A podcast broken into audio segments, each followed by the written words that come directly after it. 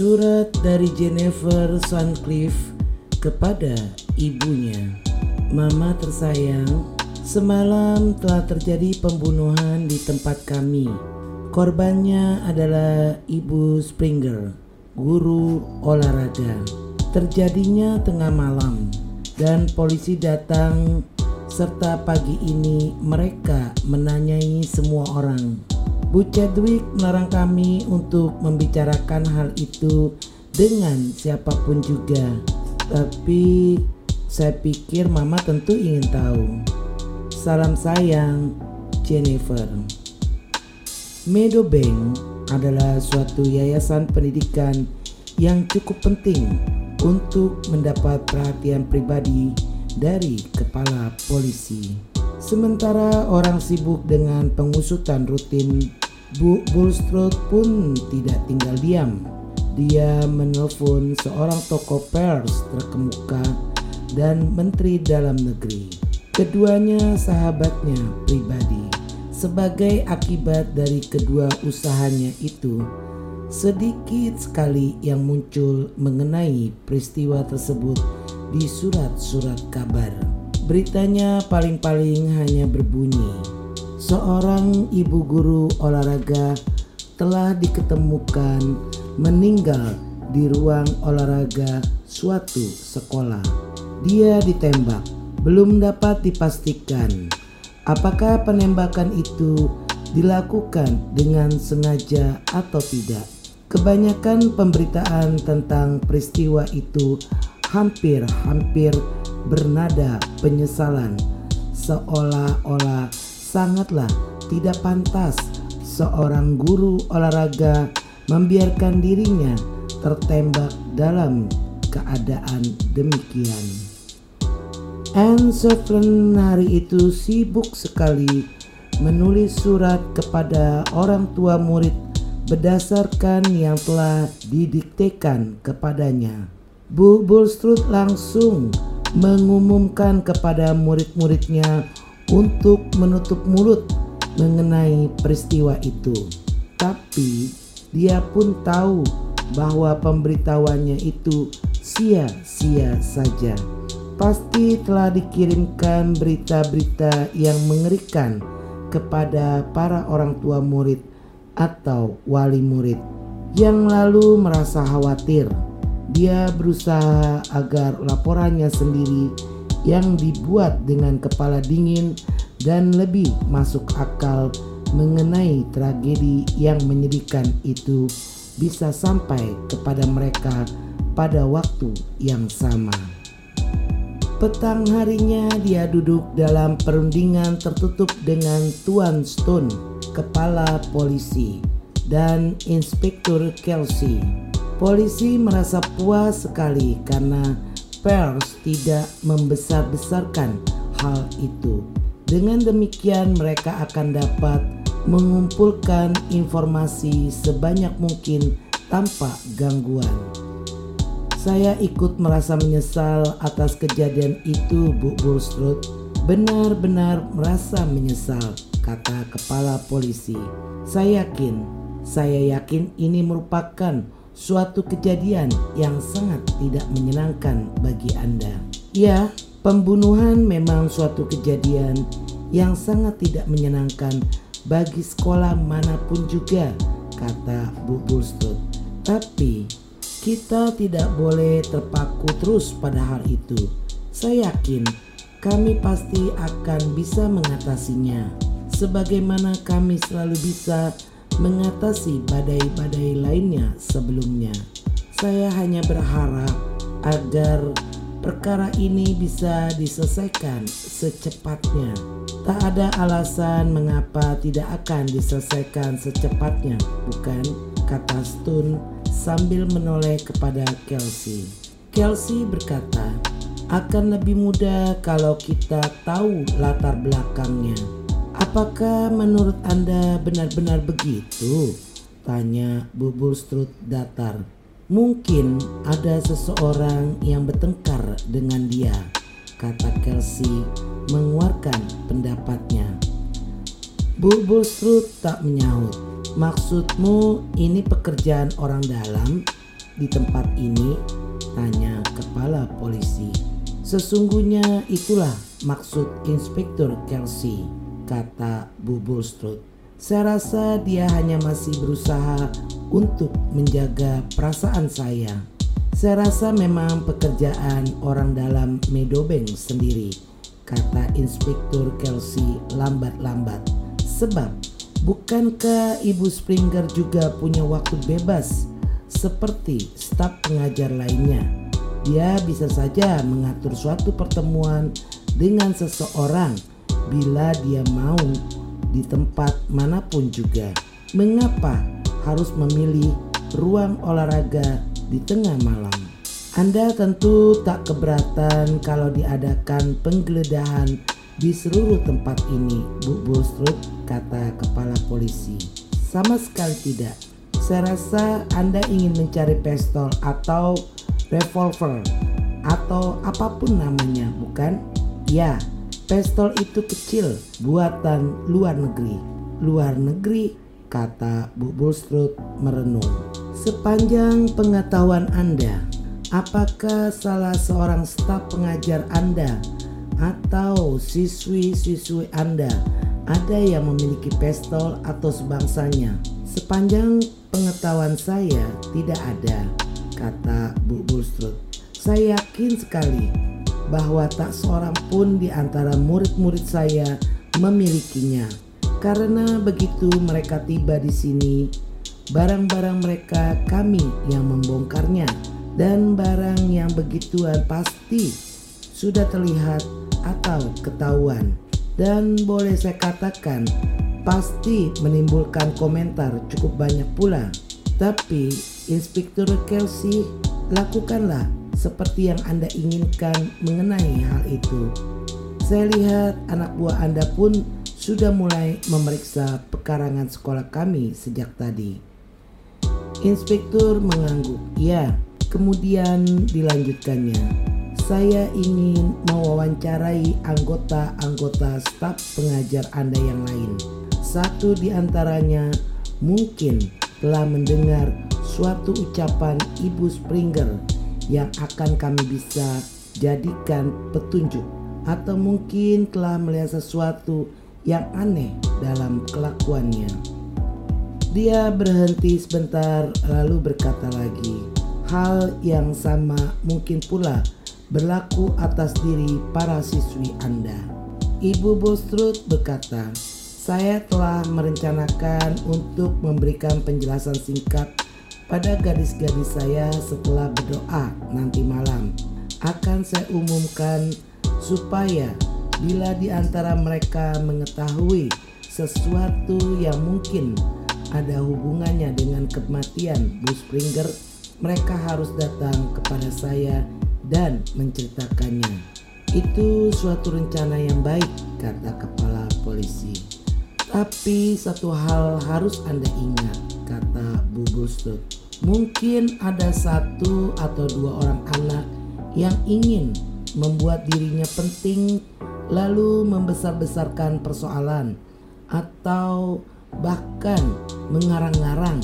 Gadis-gadis kadang-kadang aneh perbuatannya. Tapi saya rasa Anda sudah biasa menangani soal yang begituan. Saya memang pernah mengalaminya, kata Inspektur Kelsey. Tambahnya, tolong beri saya daftar nama staf pengajar Anda dan juga para pelayan.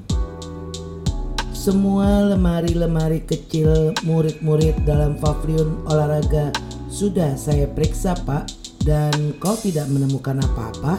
Tanya Kelsey. Tidak pak, tak ada yang penting dalam beberapa di antaranya kami menemukan yang lucu-lucu, tapi tak ada satupun yang memberikan petunjuk bagi kita. Tak ada satupun di antara yang terkunci bukan? Tidak pak, mereka bisa menguncinya. Ada anak kunci dalam lemari-lemari itu, tapi tak ada satupun yang terkunci. Kelsey memandang lantai yang kosong di sekelilingnya sambil merenung raket-raket tenis, dan tongkat pemukul lacrosse telah dikembalikan dengan rapi di raknya masing-masing. Ah, sudahlah, katanya. Aku akan pergi ke gedung sekolah sekarang untuk berbicara dengan para staf pengajar. Apakah menurut Anda ini bukan pekerjaan orang dalam, Pak? Mungkin saja, kata Kelsey. Tak seorang pun punya alibi kecuali kedua orang ibu guru, Chadwick dan Johnson, serta Jane, anak yang sakit telinga itu. Secara teoretis, semua orang lain sudah berada di tempat tidur dan tidur. Namun, tak seorang pun bisa menjamin hal itu. Anak-anak itu punya kamar sendiri-sendiri. Staf guru tentu juga. Salah seorang di antara mereka, termasuk Bu Bulstrode sendiri, bisa saja keluar dan menemui Springer di sini, atau bisa juga mengikutinya kemari.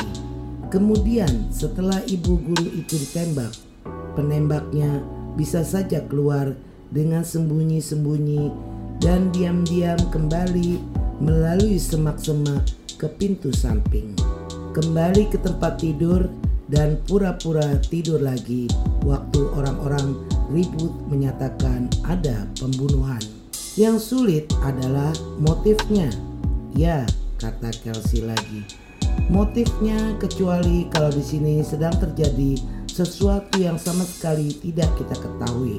Tetapi kelihatannya seperti tak ada motif. Dia keluar dari pavilion olahraga itu lalu berjalan perlahan-lahan kembali ke gedung sekolah. Meskipun sudah lewat jam kerja, Pak Briggs tua si tukang kebun masih asyik mengerjakan sesuatu pada salah satu bedeng bunga. Dia menegakkan tubuhnya waktu inspektur lewat. Anda bekerja sampai jauh lewat jam kerja, kata Kelsey tersenyum. Itulah kata Briggs. Anak-anak muda tak tahu apa-apa tentang berkebun.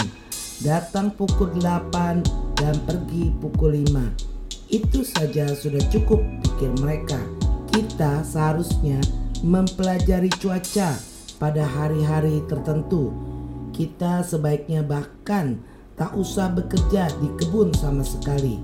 Sebaliknya, ada kalanya pula kita harus bekerja mulai pukul 7 pagi sampai pukul 8 malam. Itu kalau kita mencintai tempat ini dan merasa bangga melihatnya. Anda sepantasnya bangga pada kebun ini, kata Kelsey. Zaman sekarang, ini belum pernah saya lihat tempat yang sebaik ini pemeliharaannya. Begitulah zaman sekarang, kata Briggs.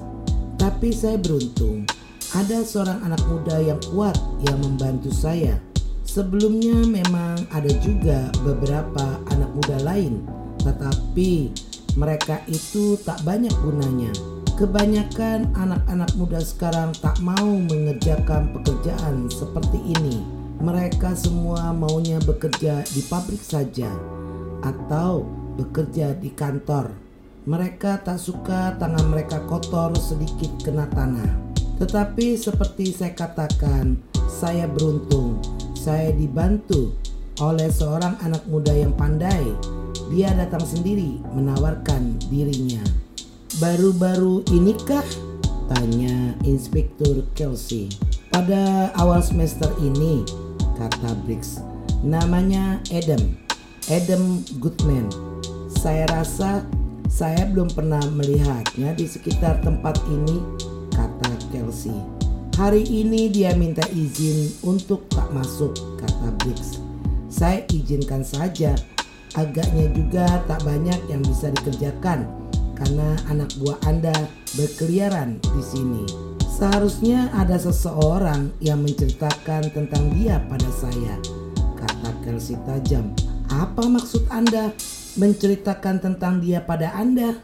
Namanya tidak terdapat pada daftar saya, kata inspektur. Maksud saya, daftar nama orang-orang yang bekerja di sini.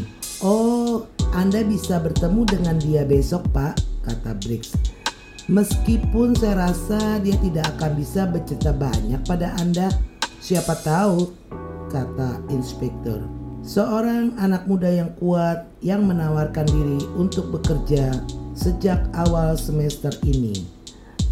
Agaknya bagi Kelsey inilah hal pertama yang akan dijumpainya dan agaknya akan lain daripada yang lain. Sebagaimana biasanya, malam itu para siswi berbaris masuk ke aula untuk berdoa.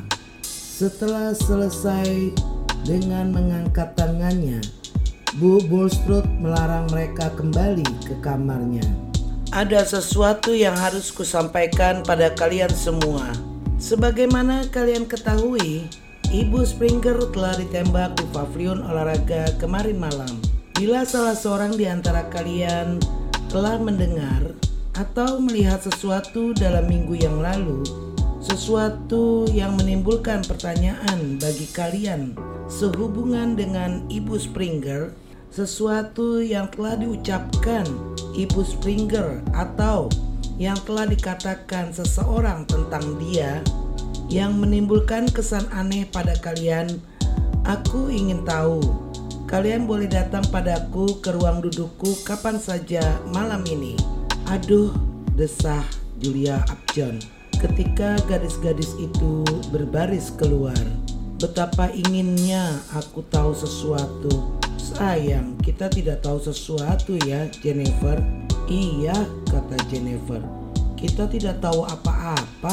Ibu Springer kelihatannya selalu biasa-biasa saja, kata Julia dengan murung. Terlalu biasa untuk bisa terbunuh dengan cara yang misterius begitu.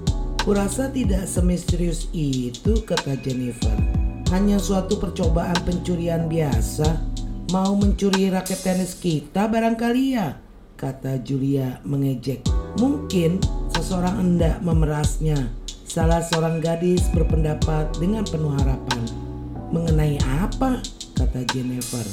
Tidak seorang pun bisa memikirkan suatu alasan untuk memeras Ibu Springer. Inspektur Kelsey memulai wawancaranya dengan staf pengajar. Pertama-tama Ibu Van Sittard, wanita yang rapi, pikir inspektur itu setelah dia menilainya. Umurnya mungkin 40 tahun atau lebih sedikit. Jangkung, potongan tubuhnya bagus. Rambutnya berwarna abu-abu dan ditata dengan penuh selera. Dia punya harga diri dan ketenangan ditambah dengan sedikit kebijaksanaan, pikir inspektur itu lagi. Menilai betapa pentingnya wanita itu. Wanita itu mengingatkannya sedikit kepada ibu Bulstrode sendiri. Dia benar-benar memiliki potongan guru sejati. Meskipun demikian, pikirnya, pada ibu Bulstrode ada sesuatu yang tak ada pada ibu Van Sitter. Ibu Bulstrode punya sesuatu yang sifatnya tak disangka-sangka. Menurut perasaannya, pada Bu Van tidak akan pernah ada sesuatu yang tak terduga itu. Pertanyaan-pertanyaan dan jawaban berjalan dengan rutin. Pokoknya, Ibu Van tidak melihat sesuatu, tidak tahu apa-apa, dan tidak pula mendengar sesuatu. Ibu Springer menjalankan tugasnya dengan baik sekali. Ya, Sikapnya memang agak terlalu terburu-buru, tapi sepanjang pendapatnya tidaklah melampaui batas. Kepribadiannya mungkin kurang menarik, tapi hal itu sebenarnya tidak penting bagi seorang guru olahraga. Malahan memang lebih baik untuk tidak memiliki ibu-ibu guru yang kepribadiannya menarik. Tidak baik kalau para siswi punya perasaan yang terlalu dalam terhadap guru-gurunya. Setelah tidak berhasil menyumbangkan sesuatu yang berharga, Ibu Van Sitter keluar. Tidak melihat sesuatu yang jahat, tidak mendengar sesuatu yang jahat, tidak memikirkan sesuatu yang jahat, sama saja seperti monyet-monyet, kata Sersan versi Bond yang sedang membantu Inspektur Kelsey dalam menjalankan tugasnya. Kelsey tertawa kecil. Kira-kira begitulah versi katanya. Ada sesuatu yang menekan perasaan saya setiap kali melihat ibu-ibu guru, kata Sersan Bon. Sejak kecil saya takut setengah mati pada mereka. Bahkan ada seorang yang benar-benar mengerikan. Demikian angkuh dan pesoleknya dia hingga kami tak tahu apa yang sedang diajarkannya. Ibu guru yang kemudian muncul adalah Ellen Ritz. Kesan Inspektur Kelsey yang pertama tentang dia adalah bahwa dia jelek sekali. Kemudian diperlembut kesannya itu. Ada juga sedikit daya tariknya. Dia mulai menanyakan pertanyaan-pertanyaan rutin. Tapi jawabannya tidak serutin yang diharapkan. Setelah mengatakan bahwa dia tidak mendengar atau melihat sesuatu yang khusus yang telah dikatakan seseorang tentang Ibu Springer atau yang telah dikatakan Ibu Springer sendiri. Jawaban Ellen Ritz berikutnya adalah sesuatu yang sama sekali tidak diharapkannya. Inspektur berkata, Sepanjang pengetahuan Anda, apakah tak ada seorang pun yang benci padanya? Oh, tak ada, kata Ellen Ritz cepat-cepat. Tak mungkin saya rasa itulah yang menyedihkannya mengenai almarhum, bahwa dia bukanlah seorang yang bisa membuat orang membencinya. Ah, apa maksud Anda dengan kata-kata itu, Burits? Maksud saya, dia bukan seseorang yang bisa membuat orang ingin menghancurkannya. Semua perbuatannya adalah syah. Dia membuat orang jengkel memang. Orang sering harus mengucapkan kata-kata tajam terhadapnya. Tapi itu tidak berarti apa-apa. Tak ada sesuatu yang mendalam. Saya rasa dia telah dibunuh bukan karena dirinya sendiri. Mengertikah Anda maksud saya? Saya tak yakin apakah saya betul-betul mengerti, Burits. Maksud saya begini. Dalam suatu perampokan bank umpamanya, dia bisa diumpamakan kasirnya yang tertembak tapi itu adalah karena dia seorang kasir, bukan karena dia Grace Springer pribadi. Tak ada seorang pun yang begitu cinta atau sebegitu benci padanya hingga ingin membunuhnya. Saya pikir mungkin dia merasakan hal itu tanpa menyadarinya. Dan itulah yang membuat suka bersikap seenaknya. Juga suka mencari kesalahan orang lain umpamanya dan memaksakan peraturan-peraturan serta mencari tahu apa yang sebenarnya sedang dilakukan orang lain lalu membeberkan kesalahan itu. Memata-matai, tanya Kelsey. Bukan, tidak tepat memata-matai, kata Ellen Rich.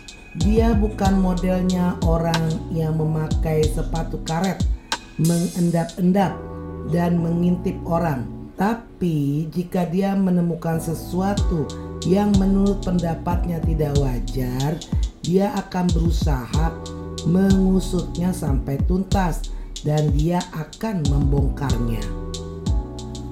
Oh, begitu. Inspektur itu diam sebentar. Anda tidak begitu suka padanya kan, Burits? Saya rasa saya tak pernah memikirkan dia dia hanya guru olahraga. Ah, jahat sekali rasanya harus berkata begitu tentang seseorang. Hanya ini, hanya itu. Tapi begitulah anggapan dia tentang pekerjaannya. Pekerjaannya itu adalah kebanggaannya dan tugasnya dilakukan dengan baik. Dia tidak menganggapnya menyenangkan. Dia tidak terlalu menaruh perhatian bila dia menemukan seorang gadis yang pandai sekali main tenis atau pandai sekali dalam salah satu cabang atletik. Dia tidak ikut gembira, tidak pula merasa telah berhasil melatihnya. Kelsey memandangnya penuh rasa ingin tahu. Aneh, aneh benar wanita muda ini, pikirnya. Kelihatannya Anda punya gagasan sendiri mengenai semua hal, Burits, katanya. Ya, ya saya rasa memang begitu. Sudah berapa lama Anda berada di Meadowbank ini? Satu setengah tahun lebih sedikit. Apakah sebelum ini tak pernah ada kesulitan apa-apa di Meadowbank? Burit kedengeran terkejut. Iya. Oh, tidak. Segala-galanya baik-baik saja sampai semester ini. Kelsey menangkap kesempatan itu. Apa yang tak beres dalam semester ini? Maksud Anda bukan pembunuhan itu, bukan? Maksud Anda sesuatu yang lain? Tidak, dia berhenti. Ya mungkin, hmm, tapi semuanya begitu kabur. Tolong lanjutkan. Bu Bulstrode akhir-akhir ini kurang senang, kata Ellen lambat-lambat. Itu salah satu di antaranya. Memang tidak kelihatan jelas. Saya rasa tak ada orang lain yang melihatnya. Tapi saya melihatnya, padahal tak biasa dia tak senang. Tapi bukan itu yang Anda ingin tahu, bukan? Itu pikiran manusia biasa. Itulah kalau kita terkurung bersama dan terlalu banyak berpikir tentang satu hal. Yang ingin Anda ketahui adalah apakah ada sesuatu yang tak beres dalam semester ini? Begitu bukan? Ya, kata Kelsey sambil melihat kepadanya dengan rasa ingin tahu. Ya memang itu, nah bagaimana tentang hal itu? Saya rasa memang ada sesuatu yang tak beres di sini, kata Ellen Rich lambat-lambat. Rasanya seolah-olah ada seseorang yang tak pantas berada di antara kami. Dia memandang inspektur, tersenyum hampir-hampir tertawa lalu berkata, "Perasaan saya seolah-olah ada kucing di tengah-tengah burung dara. Begitulah. Kami ini burung darahnya, kami semuanya, dan kucing itu ada di tengah-tengah kami. Tapi kami tak bisa melihat kucing itu. Itu sama sekali tak jelas, Burits.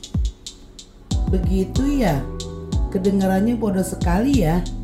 Saya sendiri pun menyadari. Saya rasa maksud saya adalah bahwa ada sesuatu, ada sesuatu yang kecil yang saya lihat, tapi saya tak tahu apa yang saya lihat itu. Khusus mengenai seseorang, tidak. Sudah saya katakan itulah soalnya.